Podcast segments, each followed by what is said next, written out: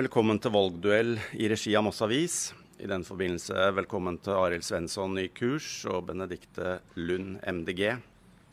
Vi skal i den neste halvtimen diskutere spørsmål som skole, samferdsel, byutvikling og helse og omsorg. Men først, den siste meningsmålingen til Moss Avis viser at både ny kurs og MDG sliter litt. MDG mister et mandat og står igjen med to. Ny kurs mister to og står igjen med tre. Så er jo spørsmålet da, Følger ny kurs nå en tradisjonell bygdelisteutvikling, eh, hvor det til slutt er null? Er futten ute av ny kurs, Arild Svensson? På ingen måte. Eh, vi syns det var veldig interessant når vi leste meningsmålinga ut fra sammenlignet med alle tilbakemeldingene vi får. Og eh, da måtte vi jo prøve å gå litt i dybden i forhold til den meningsmålinga. Og jeg sto tilfeldigvis ved siden av en som ble oppringt, og fikk høre det på høyttalerne. Og eh, min, eh, mitt, eller vårt resonnement er at eh, når vi ser det at det er ca. 27% som da ikke har svart, vi regner med at det er 1000 som ble oppringt. Ny kurs var det desidert siste partiet man spurte om man eventuelt ville stemme på. Altså parti nummer 15. Det var ikke en alfabetisk rekkefølge eller størrelse fra forrige valg. Så tenker vi det at det er kanskje ikke så rart at vi ikke fikk bedre oppslutning på denne Infact-målingen enn det vi fikk. Feil, feil med meningsmålinga som gjør at dere mister to mandater. Benedikte Lund, hvorfor er det så vanskelig for MDG å få skikkelig fotfeste i både Moss og Østfold? For dere sliter i Moss, og dere sliter i Østfold. Mm. Vi sliter faktisk kanskje mer i Østfold muligens, men det er litt for få meningsmålinger til å kunne si det helt sikkert. Uh, ja, nei, vi uh, var som noen sa i partiledelsen uh, da jeg klaga litt over at vi ikke fikk helt dri, drahjelp nok, kanskje, nasjonalt. Om at ja, hvis vi ikke har vind i seila, så får vi ro. Og det er jo et godt poeng. Og jeg tenker at Budskapet som vi har, er jo at nå må vi ta oss sammen litt. Og vi er nødt til å dempe forbruket vårt. Og det er litt skumle tider i, i, foran oss. Og hvis vi ikke klarer å få fram det budskapet godt nok samtidig med at men det er håp hvis vi gjør sånn og slik og sånn og slik, og vi har god livskvalitet i kjølvannet av de endringene vi er nødt til å gjøre. Du skal skremme folk til å stemme Nei, MDG? Det. det er nettopp det at vi kanskje vi blir framstilt for mye med skremsel. Eh, og overskriftene våre kan være litt mørke noen ganger fordi det budskapet er alvorlig alvorlig. Men likevel så eh, så, så, jeg savner litt at vi skulle klare å komme ut med mer om at hva er det som ligger i enden av eh, de valgene som vi mener at vi må gjøre. Og det er jo et bedre og tryggere liv med mer fokus på livskvalitet og tid med hverandre og alt det der. Mm. Industri- og Næringspartiet er på vei inn i kommunestyret i Moss med to mandater. Motstykket til MDG, mm. hvordan ser du på det? Nei, men Det er jo som vi sa i avisa da, da den undersøkelsen var klar, om at et parti som sier at de vil ha oss ut av Parisavtalen, det tar jeg ikke seriøst. De er veldig hyggelige folk når vi treffer dem på stand, men de har dessverre ikke peiling på politikk, hvis jeg kan få lov å si det sånn. uh, gjør svake meningsmåler at dere begge nå fisker i den samme dammen? Jeg har lagt merke til at Ny kurs demonstrerer ved Kanalbrua fergeleie, og i et leserinnlegg så er du opptatt av å ta avstand både fra nærmest jernbanetraseen som er valgt, og dere skal ha ja, er det samme dammen dere er ute for å få skaffe? Det er liksom en, en sikker dam å fiske i for å få napp på et Nei, mandat eller to? Jeg tror jo at begge vi to har jo markert oss på at vi har savna det der med et ordentlig lederskap og et ordentlig eh, involvering av alle de disse store sakene berører. Uh, og jeg, det er hvert fall der jeg, det er det jeg har lyst til å fronte. At vi må synliggjøre at det er fryktelig mange som har vært frustrerte og sinte her i byen lenge, og som opplever at de ikke blir hørt. Det syns jeg og innbyggerinvolveringsordet som han har klart å få lagt inn i språket vårt, har vært veldig bra på. Og, og, jeg er opptatt av at vi er nødt til å vise at nå kan vi klare å stå som samla flokk og ivareta innbyggerne våre mye, mye bedre enn det vi har gjort. Vi har bare vært på vi har bare blitt med på alle prosessene som har tikka og gått. uten å Men veldig kort av dårlig lederskap. Det er ja, sittende posisjon. Ja, men, men, kanskje noen må ta ledelsen litt mer enn andre, og det er vanskelig å gjøre for et lite parti. Så det vil jeg erte de andre til å ta. Svensson. Ja, Det er mulig det at det er en samme dammen, som du sier. og Det har jo Moss Avis påpekt, at det er jo 86 av innbyggerne våre som er opptatt av, eller er i den dammen. Og det som er eh, vårt budskap, er jo ikke nødvendigvis å fiske dammen fordi at vi tror det er der velgerne er, men det er jo fordi at det er en sak vi har vært opptatt eh, av gjennom år. Så for oss er det helt naturlig å sørge for at eh, innbyggerne vet hvilke parti er det som står for hva. Folk er opptatt av samferdsel, men du vet godt hvilken dam du fisker i når du står ved kanalen og fergeleiet. Og det er ikke det, den dammen som er den store dammen, det er den mye mindre dam. Ja, den dammen er jo 86 eh, er opptatt av samferdsel. Det er veldig viktig for oss å påpeke at vi er et parti som er opptatt av det folk er opptatt av. Den siste meningsmålinga til Moss Avis viser også at helse og omsorg er et av de viktigste temaene for velgerne ved årets valg. MDG skriver i sitt program at private aktører unntaksvis kan gi gode tilleggstjenester. Hva mener dere med det, Lund? Vi mener at uh, f.eks. innenfor barnevern så ser vi at det fungerer. Vi ser at på tjenester som handler om å levere tjenester i, eller tilbydere som leverer tjenester i hjemmet, også har, kan fungere bra. Forutsatt at man får til gode lønns- og avtaleforhold selvfølgelig for de ansatte osv., som vi jo dessverre har hatt noen uheldige erfaringer med her i Moss. Så vi er ikke like vi er ikke like standhaftig prinsipielle på at det aldri skal være inne private aktører, som f.eks. Rødt, da, bare for å trekke fram den som kanskje har markert seg mest på det. Men vi mener jo som hovedsak at det helt klart skal være det offentliges ansvar å sørge for at alle har et trygt og godt eh, tilbud. Og jeg tenker særlig på sykehjemsplasser. De færreste som trenger en sykehjemsplass, er noen sterk kunde og kan gå ut og shoppe hvilken løsning de vil ha. De vil bare ha et godt tilbud når de trenger det. det Men det er vel ikke snakk om at den enkelte skal shoppe, det er vel snakk om at kommunen skal få få inn private ja. for å løse et, eh, ja, selv, et problem kommunen ja, men, har. Ja, men det her skal kommunen være god nok på sjøl, og så skal man tilby de tjenestene som trengs når det trengs. Så dere vil ikke være pragmatiske og si at vi trenger 40 nye sykehjemsplasser? Den eneste måten å få mm. til på er å å få inn en privat aktør for å løse det for oss. Det vil ikke dere? Nei, for vi mener at det blir for stor avstand til den aktøren. Og vi mister noe av styringa, og vi mister oversikten over hva det egentlig inneholder ordentlig. Bar barnevern, barnehaver og, og hjemmebaserte tjenester, eksempel, ja. Men eksempel. ikke ja, omsorgsboliger og syke. Nei, ja, Men er det noe annet å ta i her? Ikke som jeg kommer på umiddelbart, men det er, det er sånn vi tenker. Arild? Ja, nei, eh, Vi er nok litt annerledes skrudd sammen, og du brukte pragmatisk. Vi er nok mer pragmatisk. Eh, det er helt klart eh, som blir sagt, at det er jo kommunen som har ansvaret for å gi innbyggerne tjenester. Og så syns vi det er eh, riktig at kommunen har et tjenestetilbud i egen regi. Men så er det klart at vi kan jo ikke ha det sånn at hvis ikke kommunen klarer å planlegge behovene, så kan vi ikke ha innbyggere som ikke får tjenestene fordi kommunen ikke klarer å stille opp med det. Men det må kommunen klare. Da må vi ut og løse det. Ja, Men når ikke vi klarer det, så må kommunen da gå ut og se der muligheten er. Vi kan ikke si det sånn at nei, vi venter noen år. Det kan ikke de som har skoa på, uh, akseptere. Men kommunen klarer det jo. Kommunen jo, oppfyller jo det ansvaret. Dere gjør jo ikke det, Benedicte Lund. Eh, det er folk på venteliste, ja. det er folk på dobbeltrom. Mm. Ja. Dere har i en fireårsperiode i posisjon greid å bygge 48 nye sykehjemsplasser på Grindvoll. Det er vel ikke verst? Nei, men det, det, er jo ikke nok. Hvor mange skal dere bygge neste fireårsperiode? Nei, Vi må tenke ganske nytt på hele den problemstillinga. Uh, altså det ene er jo at vi kan omregne nesten all kommunepolitikk på i antall sykehjemsplasser. Det er ikke, det vil, det, hvis vi kan kalle det det det, er, et behov som nesten aldri vil kunne være helt oppfylt. Uh, men det vi må være mye mye bedre på, det er jo å være i forkant og forebygge og tilrettelegge for og velge andre løsninger, ja, sånn at vi sprer det utover. Men det hvordan skal du løse de neste, da? Er, skal, hvor mange sykehjem sykehjemsplasser, hvis du fremdeles sitter i mm. posisjon, mener du at det mm. skal bygges i Moss den neste fireårsperioden? Dere greide 48 nå. Vi kan, kan, ikke sitte og trekke tall opp av hatten på den måten. Det er Poenget er at vi skal hele tiden sørge for å ruste avdelingene våre som har ansvaret for det, til å være i forkant og kunne uh, forutse og jobbe kontinuerlig med det. Og Men, Nå skal vi jo bl.a. sette i gang og pusse opp ganske grundig på Meløsparken f.eks. Og ruste opp den sånn at den fungerer up to standards, som det heter på nynorsk. Men det vi ser av venteliste eh, mm. og dobbeltrom, mm. syns dere har vært gode nei på den? Nei da, nei da, og det er både avdelingen enig i, og politisk styring er enig i det. Så den jobbes med kontinuerlig. Så det er under kontroll. Altså, det er ikke sånn at de er ute og spinner bare. Vi må ha kunnskapsbasert styring.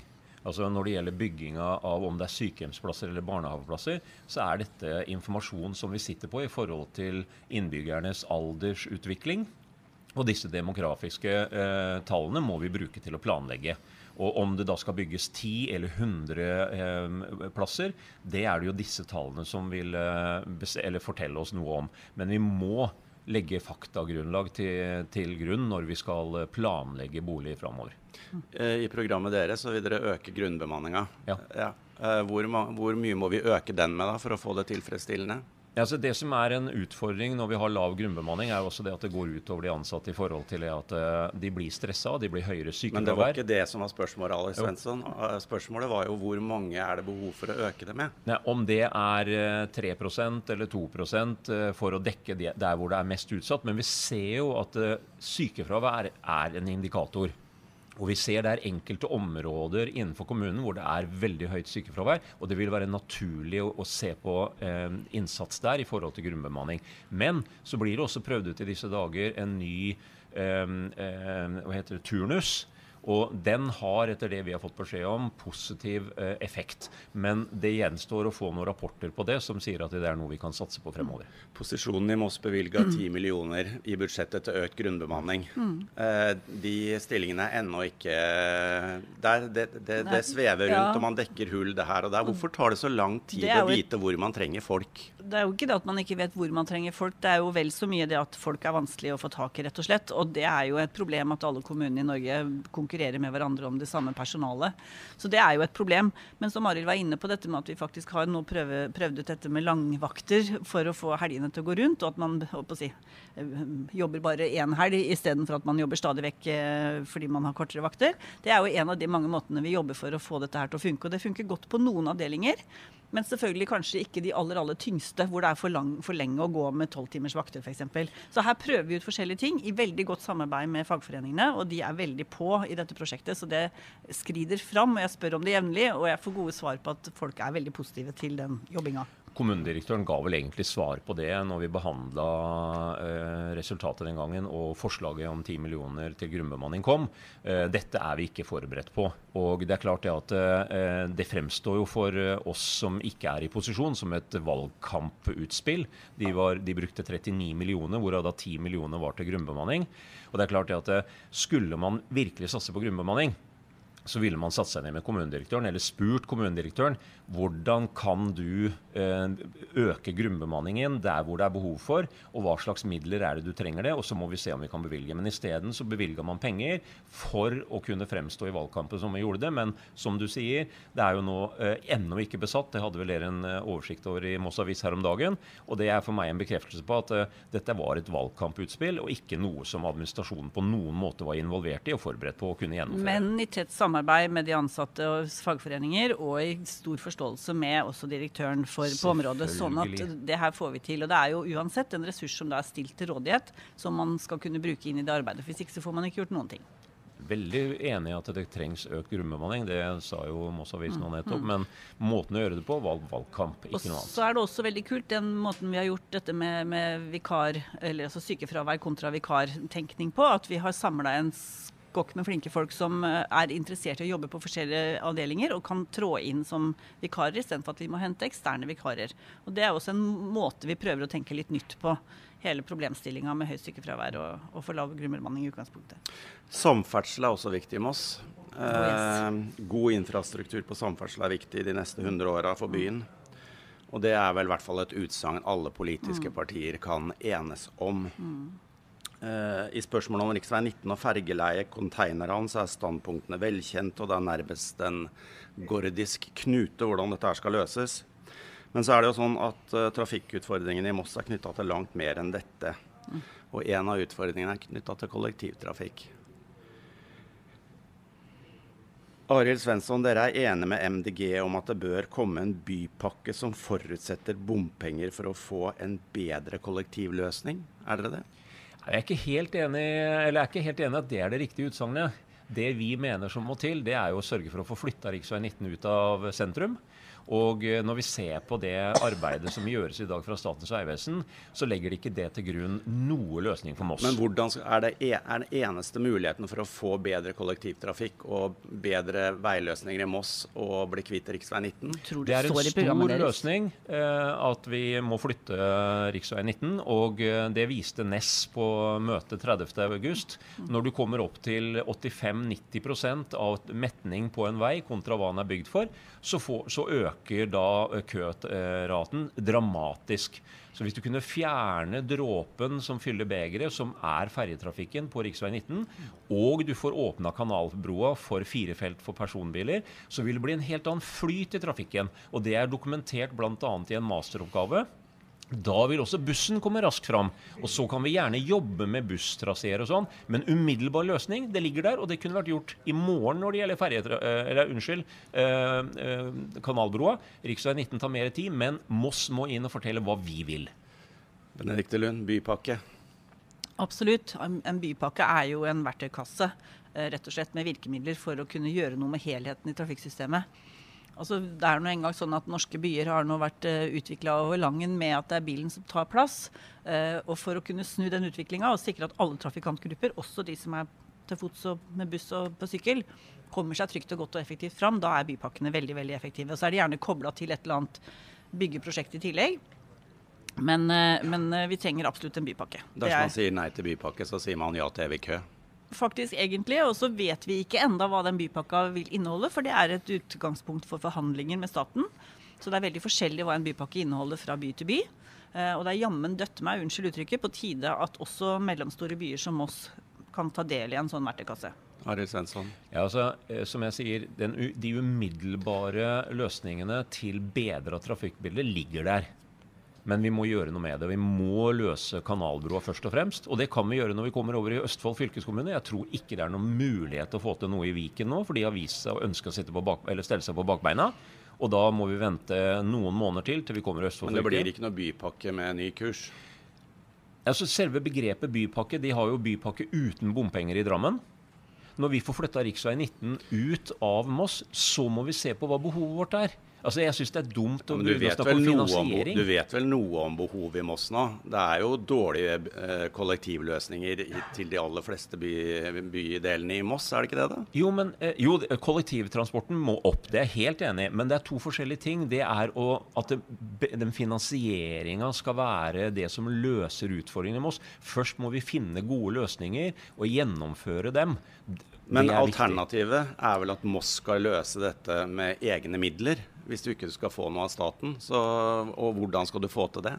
Altså, om ø, Hvordan innbyggerne løser det med egne midler. altså Uansett så er det jo skatter og avgifter som vi betaler inn til stat og kommune som skal løse dette her. Og hvordan du bruker disse midlene, om det heter det ene eller det andre, kan jo ikke være så viktig. Jo, det er jo vesentlig for hvor de pengene kommer fra, Svensson. Det vet jo du òg. Jo, men vi mener jo at staten må løse rv. 19. Ja, men nå snakker vi om kollektivtransport i Moss. da. For en bypakke utløser jo, som Benedikt yes. sier, noen virkemidler, og ja. det er noen verktøy her. Ja. Og hvis du sier nei til de verktøyene, så må jo du ha noen andre verktøy. da, Og det er jo ikke bare rv. 19-løsning. Nei, som jeg sier at vi må få... Så hvor skal du få de pengene fra? Først må vi se behovet. Ja, så, vi, men du vet får... det er et behov? Ja, men når vi får uh, eh, ordna med kanalbroa, når vi får flyt, når en masteroppgave forteller oss at flyt i trafikken er kjempeviktig. Det er det som hindrer køer. Og da må vi få én løsna proppen på kanalbroa, og to se om vi finner en løsning for rv. 19, for det er der proppen ligger. Og det er bare 16% av trafikken fra Jeløya som skal til E6. Eh, e 30 skal til sentrum. Vi må ta inn over oss fakta når vi skal planlegge, og så får vi komme med finansiering etterpå. Om det er bypakke med eller uten bompenger, om det er bomstasjoner et annet sted, hva det måtte være. La oss fokusere på løsninger, og så finansiering etterpå. Skissere løsninger først. Ja, nei, altså, Jeg har lyst til å flagge det at jeg er jo førstekandidat til fylket også, for MDG. Uh, og nettopp dette med de lokale uh, veiprosjektene til uh, fylkeskommunen sammen med kollektiv, som jo også driftes av og eies av fylket, er jo kanskje de to viktigste sakene som jeg er nødt til å kjempe for der. og det er jo fornuftig bruk av det veiarealet vi allerede har. Det er det ene, for det er på kort sikt alle de avbøtende tiltakene som det går an å sette inn, men som ikke er blitt gjort. Og beklager altså, det er fryktelig trist å si, men dialogen mellom Moss kommune og oss politikere i Moss og Viken har vært helt forferdelig ennå jeg har sittet både i Viken fylkesting og i kommunestyret. Og vi alle Moss-politikerne har kjempa for eh, bare, bare, hvordan den prosessen med kanalbrua har vært.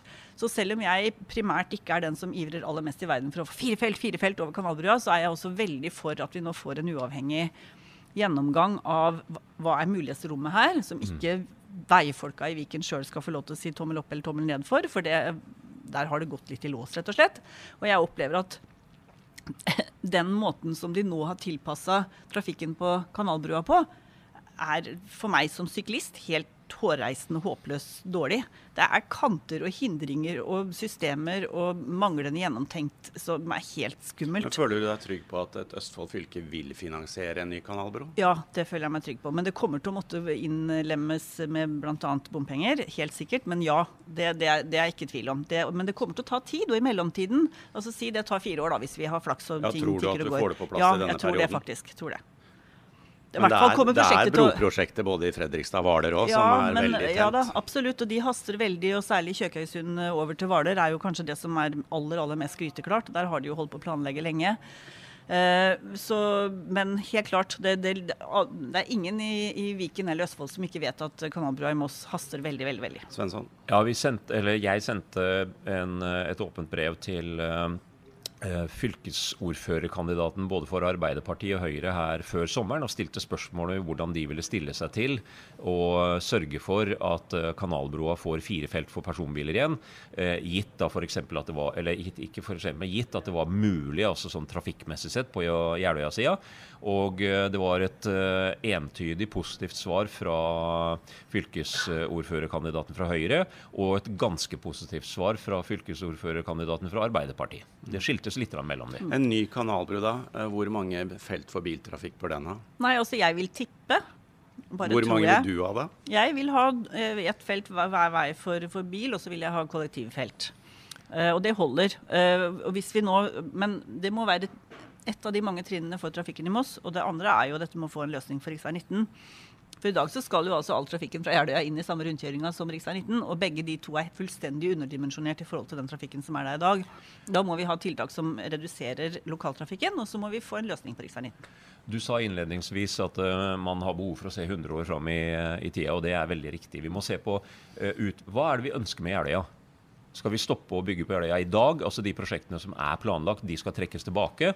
Eh, Da kan man se på den dagens trafikk og se hva, hvilke behov det er. Men vi må se på fremtidens behov, og at de blir dekket med to felt for eh, personbiler, tror jeg ingenting på.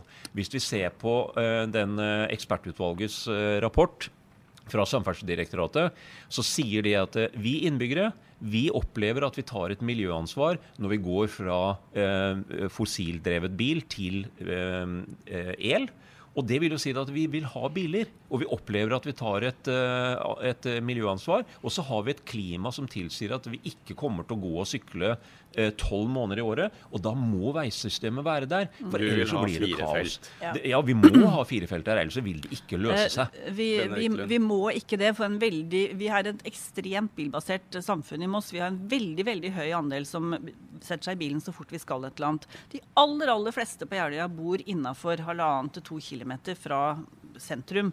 Så hvis vi er gode på å få opp eh, kollektiv- og sykkelframkommeligheten på en mye mye bedre måte enn i dag, og det er jo det som er framtidas måte å reise på Framtidas måte er ikke å sitte i hver vår kjempestore arealkrevende enkeltpod, hvis vi kan kalle det det, uansett hvor vi skal. Veldig mange flere av de hverdagsreisene som vi gjør, altså til stasjonen, til jobben, til skolen, der klarer vi å finne en eller annen god måte å reise på kollektivt. Det må vi strebe etter. Vi kan ikke tilpasse arealet vårt at alle skal kjøre bil overalt alltid. Ja, men dette har jo med mer enn at folk skal kjøre fra et sted de bor på Jeløya ned til sentrum. Det har med arbeid, det har med barnehaver. Eh, Det er hele samfunnet vårt er bygd opp på det at vi beveger oss mellom forskjellige punkter. Men er Og ikke det poenget å kunne løse det på andre jo, måter enn med bil? men hvis vi ønsker fortsatt utvikling på Jeløya, så ser vi jo kaoset som vi får med to felt. Da får vi heller si det at eh, vi må kanskje ha fire felt, og så får vi begynne jobben med å få folk til å gå over med en gang, men mer å motivere det. Det går på vaner, det går på eh, rutiner og hva vi er vant med. Yes, få dem over, men men, vi må ha muligheten. Ja, men nå skal vi planlegge for 50 til 100 år fram, og da har vi god tid til å kunne tilrettelegge for at folk endrer litt vaner. Og det er jo nettopp de der hverdagsreisene, de som er ganske faste fra A til B på samme tid av døgnet hver dag, de skal vi klare å legge gode rutiner for, sånn at man slipper å bruke bilen. Men når det gjelder bredden Når på Kanalbrua, skal- så har ikke du så god tid for hvis den skal stå ferdig på fire Ja, år. men dette her er jo sånn som trafikkfolka vet. Dette her er jo det man planlegger for, og det er jo det man skal legge til rette for. Så da får vi til de tiltakene som skal til for at vi klarer å frakte når vi skal i barnehagen, og de som øh, skal på høyda for å handle og sånn, de bruker bilen. Mens de som skal til stasjonen eller på jobben sin i sentrum, de finner en buss som passer. Og da får vi akkurat den nedgangen som gjør at det holder med to felt. Fagfolka vet, men de forholder seg ikke til det. De forholder seg til at de har et ansvar for å prøve å få folk til å bli tvunget til å bruke Ja. gange, sykkel. Og da stikker de kjepper i hjula, og det er grunnen til at de planlegger noe med to felt Men nå er jo, nå er jo ikke. Kanalbrua er jo ikke den eneste broa vi skal over. eh, Benedikte Lund, dere vil ha over en eh, gang- og sykkelvei på hver side også. Eh, Får dere til det i løpet av den neste Ja, fireårsperioden? Den forutsetter vi legger inn i den samme planen for kanalbrua. Det skal det, skal det Men den må finansieres lokalt. Uh, nei, det er del av samme pakka. Det, det- altså Bompengene til kanalbrua kommer også til å gå til å finansiere i hvert fall én sykkelbro, kanskje ikke to. Men da er vi jo tilbake på boligprosjektet på Verven bl.a. At hvis de skal kunne få lov til å bygge, så må de bl.a. stå for en gang- og sykkelbro i nordenden eh, som et minimum. Jeg tror det er veldig viktig å, å se kanalbroløsning eller krysning av kanalen på langsiktig perspektiv. For i det øyeblikket vi begynner å snakke om å bygge ny kanalbro og osv., så, videre, så kommer rv. 19 inn i bildet igjen. Fordi at eh, en avlastningsbro til kanalbroa må gå syd for dagens. dagens. Og da har Statens vegvesen sagt at da er det mulig vi må lysregulere trafikken fra Jeløya for å sørge for at trafikken fra ferja slipper forbi. Ellers så vil de få opphopning når de skal tømme ferja. Og det er et, faktisk et kjempepoeng, syns jeg, dette her med at vi, at vi skal i Moss tilpasse trafikken sånn at fergetrafikken skal slippe fram. Og jeg har lyst til å også rose Arild for det initiativet han har tatt om at vi må klare å samle oss litt bedre for å tenke 50-10 år, 100 år fram i tid om en helhetsløsning. Og det er noe av det jeg virkelig har savna i Moss. At vi klarer å stå sammen bredt og både for med folka, men også politikken på å si at sånn vil vi ha det. Vi har i altfor stor grad vært bare slaver av de prosessene som har tikka og gått, og som ikke har tikka og gått og ikke gitt noen resultater, og som vi da bare ender opp med et eller annet som ingen er er, fornøyd nå er kanalbro og gang- og sykkelbruer det er bare én av de bruene i Moss. Vi, ja, det, skal snart i, det skal snart i gang med et ny bro over til Verket. Bør den åpnes også for biltrafikk Nei. for å løse noe av eh, utfordringene i sentrum med masse biler? Nope. Jeg tror det er veldig viktig at man har muligheten til å gjøre det. Fordi vi, vi kan ikke i dag bygge infrastruktur som ikke gir oss handlingsrom. Og så kan jeg se poenget til Benedicte uh, i forhold til uh, at den kan bli brukt da i mye som avlastning for uh, rv. 19. Uh, men det tenker jeg er valg vi må ta ut fra altså, sunn fornuft, pragmatiske avgjørelser. Men mulighetene må ligge der. Det er veldig viktig. Det er heldigvis allerede bestemt at den broa skal være for kollektiv sykkel og gange.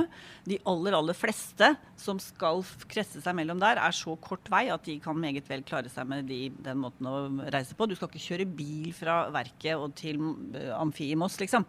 Det går fint å klare seg uten. Og de fleste besøkende til verket de kommer via innfartsveien. Så det går veldig fint. For ellers så legger vi opp til at vi blir bilbasert igjen.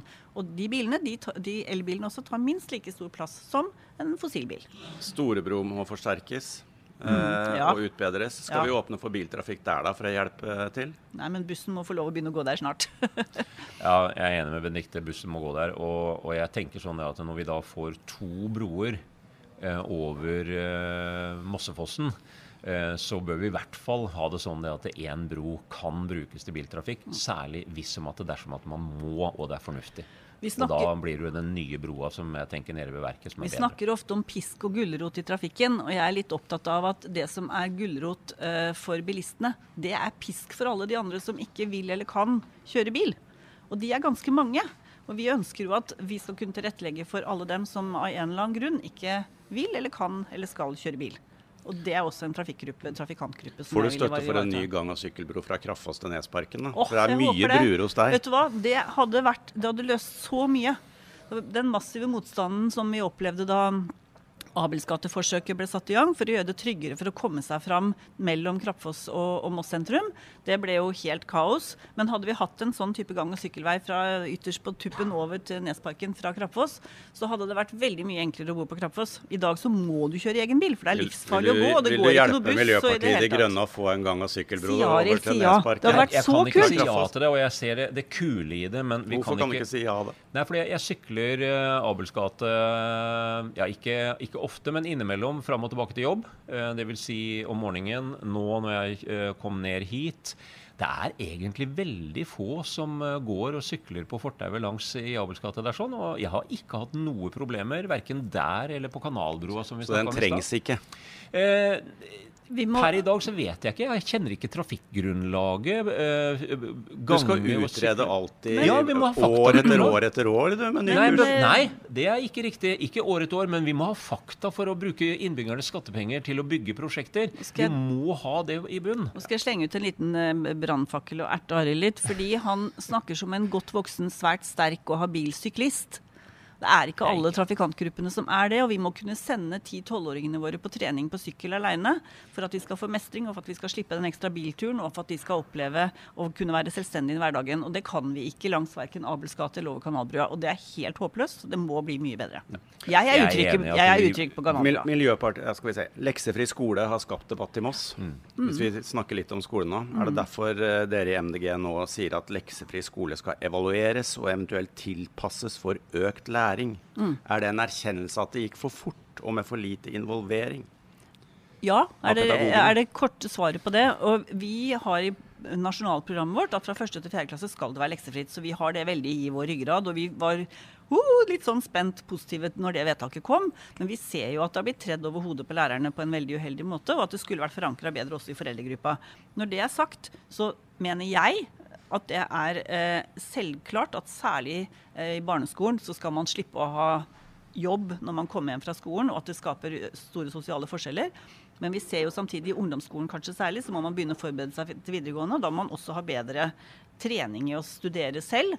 Eh, og så er det jo en del mengdetrening som på et eller annet vis må tilpasses. Men det tror jeg handler om kommunikasjon og kultur og på en måte forankring i de gruppene som er berørt. Ikke at leksefri er feil hvis du skjønner hva jeg mener. Men Du vil ha en evaluering, du vil ikke bare fjerne leksefri skole sånn nei, nei. som det er nå? Nei. Arild Svensson ja. i kurs, da? Ja, nei, når, når dette forslaget kom opp uh, i uh, utvalget den gangen, så uh, den formuleringa som det var i forslaget, gjorde jo faktisk at vi støtta det forslaget. Men det var jo egentlig at det skulle vurderes. Men så gikk det jo bare en par måneder, så ble det gjennomført. Mm. Du ble lurt. Ja, men det kom ja, brått på oss alle sammen, absolutt. tror jeg. Ja, ja, men, ja, men vet du hva, det er så rart, for at man har et, et styrings... Eller altså mm. politisk styring. Mm. Og da er det ikke sånn at administrasjonen plutselig overstyrer et politisk vedtak. Da mener jeg at det er noe som posisjonen implisitt har vært med på. Når ikke de har satt ned foten når dette begynner å skje noe, så har posisjonen delvis vært med på dette. Det har vi nok. Ja, ikke sant? Og da tenker jeg sånn, Det er altså manglende politisk styring eller klarhet i den styringa og det mener jeg at vi må nå trekke, eller vi da, i ny kurs, vi må trekke med oss lærerressursene. Det er de som har kunnskapene.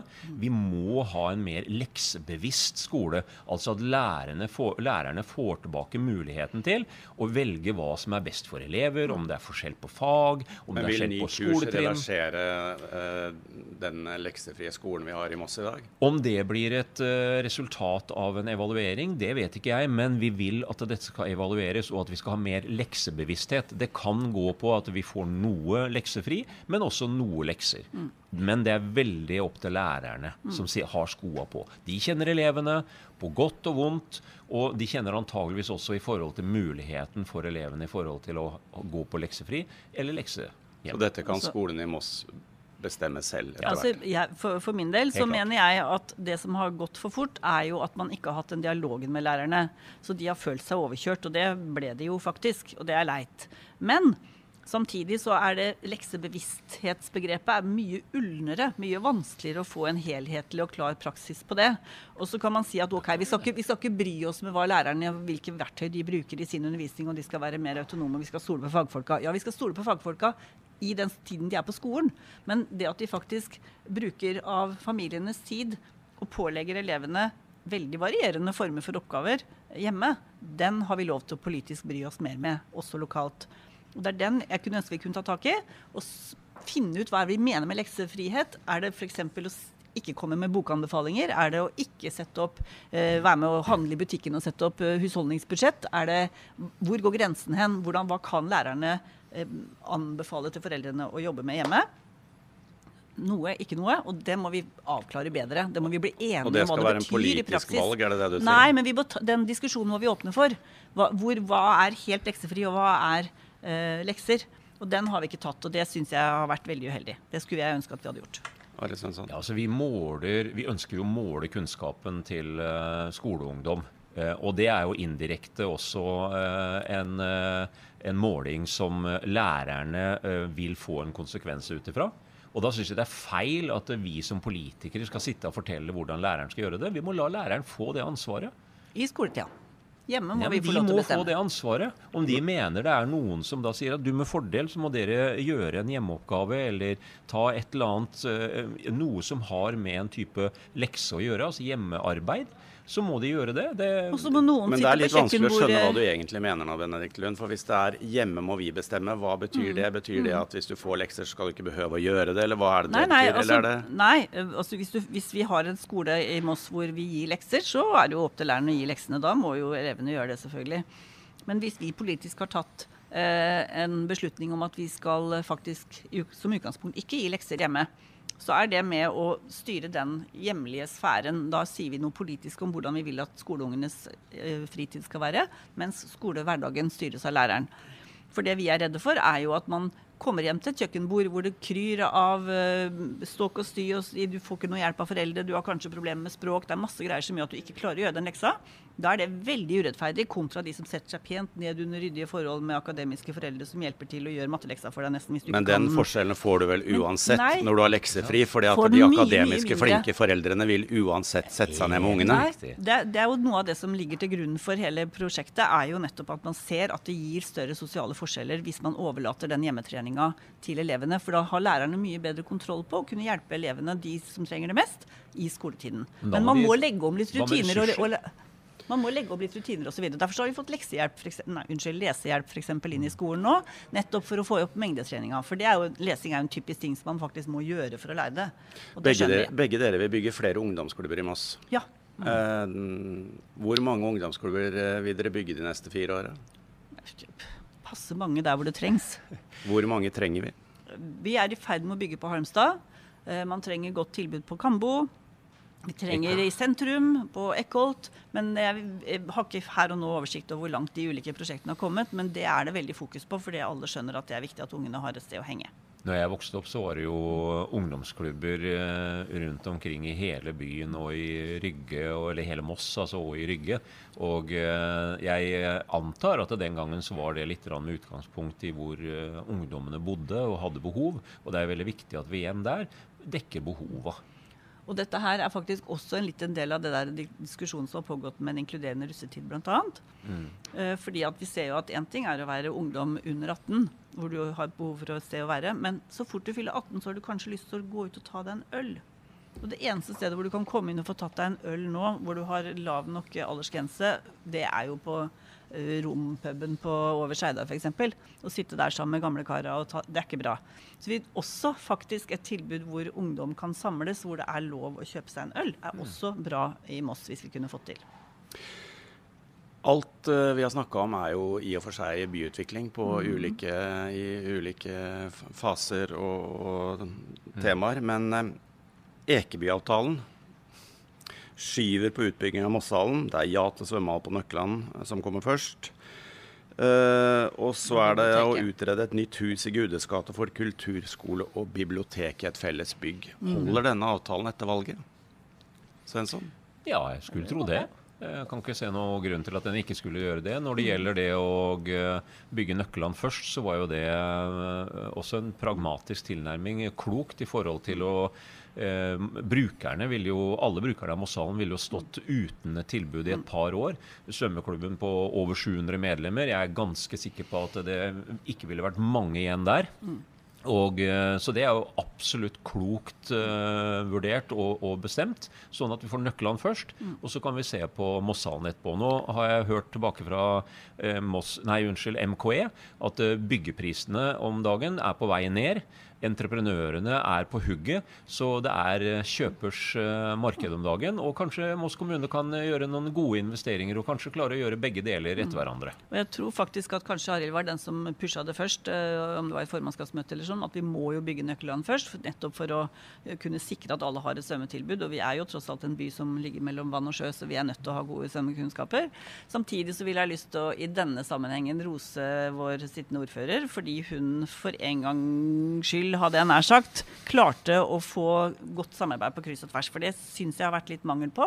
At vi har vært litt for opptatt av å stå på våre egne saker. Men i denne her sånn, så klarte vi å finne et bra kompromiss for viktige saker som angår veldig mange i byen. Og det er jeg veldig, veldig stolt av. Veldig sjenerøs nå, Benedicte Lund. Ja, men jo, men ja. altså, jeg var litt jeg var spark til ham. Det var ikke egentlig meninga å sparke så fælt heller. Men altså, noe av poenget er at vi har for stor grad vært eh, to poler. Og det trenger vi ikke å være på disse store sakene. Så må vi evne å snakke godt sammen. Og det gjorde vi ikke i biblioteksaken.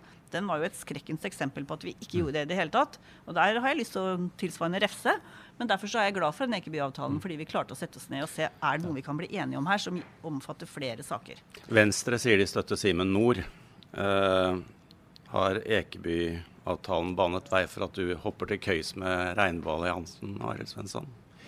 Nei, vi er veldig sånn saksorienterte i forhold til dette med resultatet etter valget. Eh, det er en mulighet med utgangspunkt i to store partier på hver sin side av den politiske tradisjonelle aksen, altså Arbeiderparti eller Høyre. Og så kan det faktisk åpne seg en mulighet for et eller annet samarbeid i sentrum som kan ha et eh, tyngdepunkt i politikken. Men det er jo 11.9. og valgresultatene som vil eh, tilsi hva som er mulig. Så vi har sagt det sånn at vi er åpne for å prate med alle. Vi legger merke til at noen tar kontakt med oss, mens andre andre ikke gjør det, og da er de kanskje ikke så veldig interessert. Hvem er det som ikke vil snakke med dere? Mm. Jeg vet ikke om det er noen som ikke vil snakke med oss. Ordføreren har gått ut og sagt at de vil snakke med alle, men jeg har ikke hørt et pip fra de. Nei. Mens andre er mer på hugget. Så det er ikke sånn at ordføreren har vært ute og tilbudt deg et varaordførerkjede allerede for å sikre fire nye år? Nei, det vil ikke jeg vært så veldig opptatt av en sånn type tilnærming. Vi er opptatt av sakene. Det er det vi skal ha igjennom. Personlige ambisjoner er ikke greia for deg? Nei, da hadde jeg valgt et helt annet parti hvis de hadde hatt personlige ambisjoner. For da, i ny kurs kan du kun jobbe i Moss, men det er det jeg trives med. Da kan du bli med i MDG, for da kan du bli varaordfører det første du gjør. Nei, det er bare tuller. Nei, men eh, jeg syns det var veldig spennende den siste målinga. fordi at der viser det jo faktisk at hvis vi Denne sentrumssamtalen som Arild henviser til, den handler jo nettopp om at Rød og blå blokk er tradisjonelle eh, retninger. Vi er opptatt av grønn eller grå. Vi vil være med der hvor vi kan få mest gjennomslag for politikken vår. Eh, den røde regnbuealliansen med utgangspunkt i Arbeiderpartiet, den fikk ikke flertall på den siste målinga. Det mangla to mandater. Men det gjorde jo heller ikke uh, Høyre med bare Frp. og Da betyr det at da, en, da kunne den sentrumsgjengen hadde to mandater flere enn eh, INP og Frp. Så hvis vi i så fall, hvis det ikke er grunnlag for Regnbuealliansens fortsettelse, som er mitt primære ønske, så vil vi faktisk kunne klare å vippe kanskje Høyre mot sentrum, istedenfor at de må gå til blå-blått for å kunne få et flertall. Det er mitt, min ambisjon. Men eh, tar du initiativ for å drikke kaffe for å få til noe sånt? Jeg drikker kaffe med alle, jeg. Jeg er veldig glad i kaffe. Ja, Det er viktig å prate sammen. Og så er det jo i det, dette temaet her sånn er veldig interessant. Og egentlig så er det et tema som burde vært løfta ut mot eh, velgerne. For det er ekstremt viktig at velgerne stemmer på det partiet de opplever de er nærmest. Jeg syns den eh, valghjelperen som dere i Moss Avis har lagt ut, er fantastisk. Tydeligvis har veldig mange brukt den. Så jeg, de som eventuelt er i tvil, som kanskje vurderer å ikke stemme for de er usikre, ta den, og stem på det partiet du tror på det partiet du mener vil best for Moss. Stem på det partiet, og så ser vi hva som skjer etter den 11. Det gjør vi, og det blir ja. også spennende. Takk for at dere kom, og så lykke til de siste dagene stem, og godt stem, valg. Stem, stem. Tusen takk.